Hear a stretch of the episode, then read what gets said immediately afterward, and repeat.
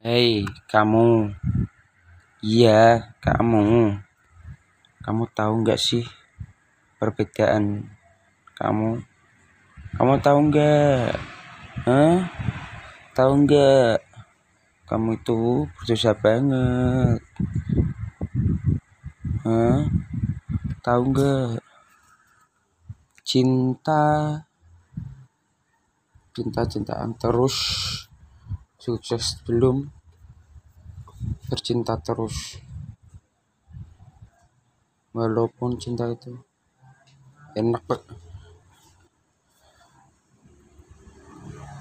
Ibnu Katsir mengatakan bahwa barang siapa yang berbuat maksiat, sesungguhnya dia telah berbuat kerusakan.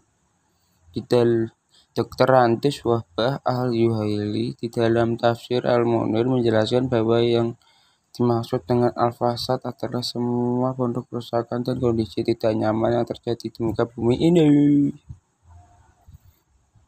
Allah SWT telah banyak memberikan pelajaran kepada manusia tentang penyebab kehancuran umat terdahulu.